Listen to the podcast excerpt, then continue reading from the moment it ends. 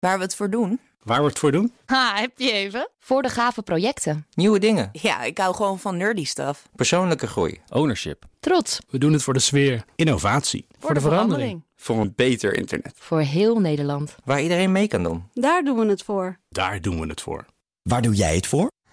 Kom werken voor KPN en groei op jouw manier. Check de actuele vacatures op het gebied van data, security, development en networking op jobs.kpn.com/tech. 2. Wetenschap vandaag. Ja, dus eindelijk een beetje goed nieuws over bloedtesten. Dat kan na het hele Theranos-debakel. Onderzoekers hebben namelijk een nieuwe bloedtest ontwikkeld... waarmee Alzheimer al in een heel vroeg stadium gedetecteerd moet kunnen worden. Die test die moet uiteindelijk dure hersenscans... en ook nou, toch de behoorlijk pijnlijke ruggenprikken gaan vervangen. Carlijn Meinders, onze wetenschapsredacteur... het lijkt me niet een makkelijk iets om te ontwikkelen. Dus hoe hebben ze dat gedaan? Nou, bij het uh, testen op Alzheimer wordt nu onder andere gekeken naar abnormale ophopingen van eiwitten in de hersenen uh, en beschadigingen of het verlies van neuronen in bepaalde hersengebieden.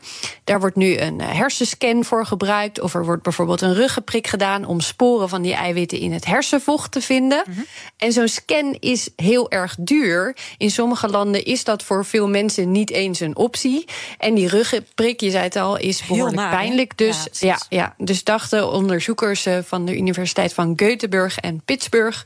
Laten we iets bedenken wat goedkoper, makkelijker en veiliger is. En toen keken ze naar Elizabeth Holmes en naar Theranos. Toen dachten ze, nou, bingo, bloedtesten. Ja, ik denk dat zij hier al mee bezig waren voordat zij op dat idee kwam, eerlijk gezegd. Um, uh, en er bestaan ook al uh, bloedtesten waarmee bijvoorbeeld eiwitafwijkingen kunnen worden gedetecteerd. Dus dat is al een beetje richting dit onderzoek.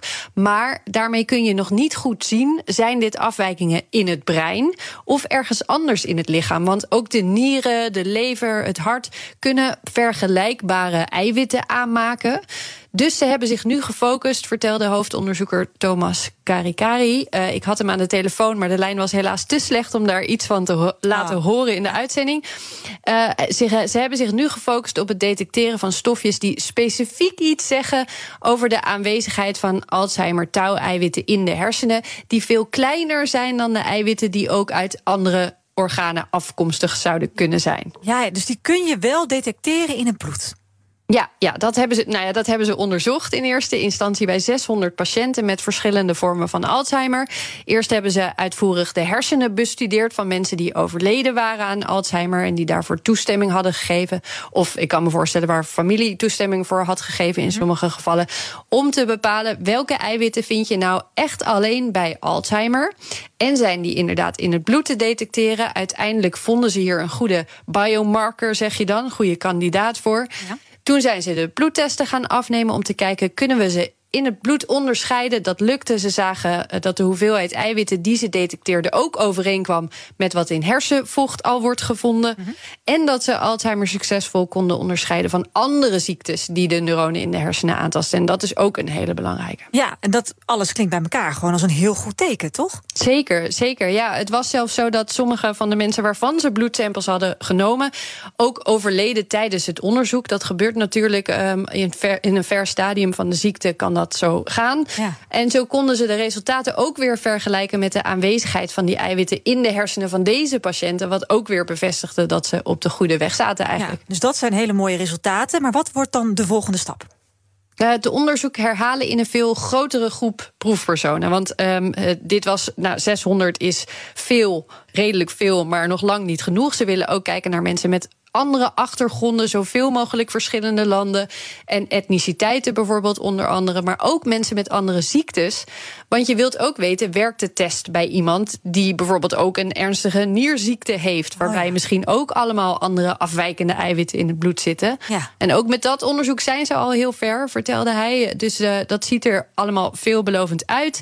En er zit nog een voordeel aan die diversiteit waar ze nu op mikken. Want als je uh, betere medicijnen wil maken, bijvoorbeeld, moeten die ook voor al die verschillende soorten mensen werken. Ja. En bloedtesten kunnen doen, zou het ook nog wel eens makkelijker kunnen maken om meer mensen, ook mensen die bijvoorbeeld niet om de hoek van een kliniek wonen of in een grote stad, te betrekken bij dit soort medicijnenonderzoek. Ja, en dan kan ik me herinneren dat er volgens mij afgelopen week ook nieuws was rondom een medicijn voor Alzheimer.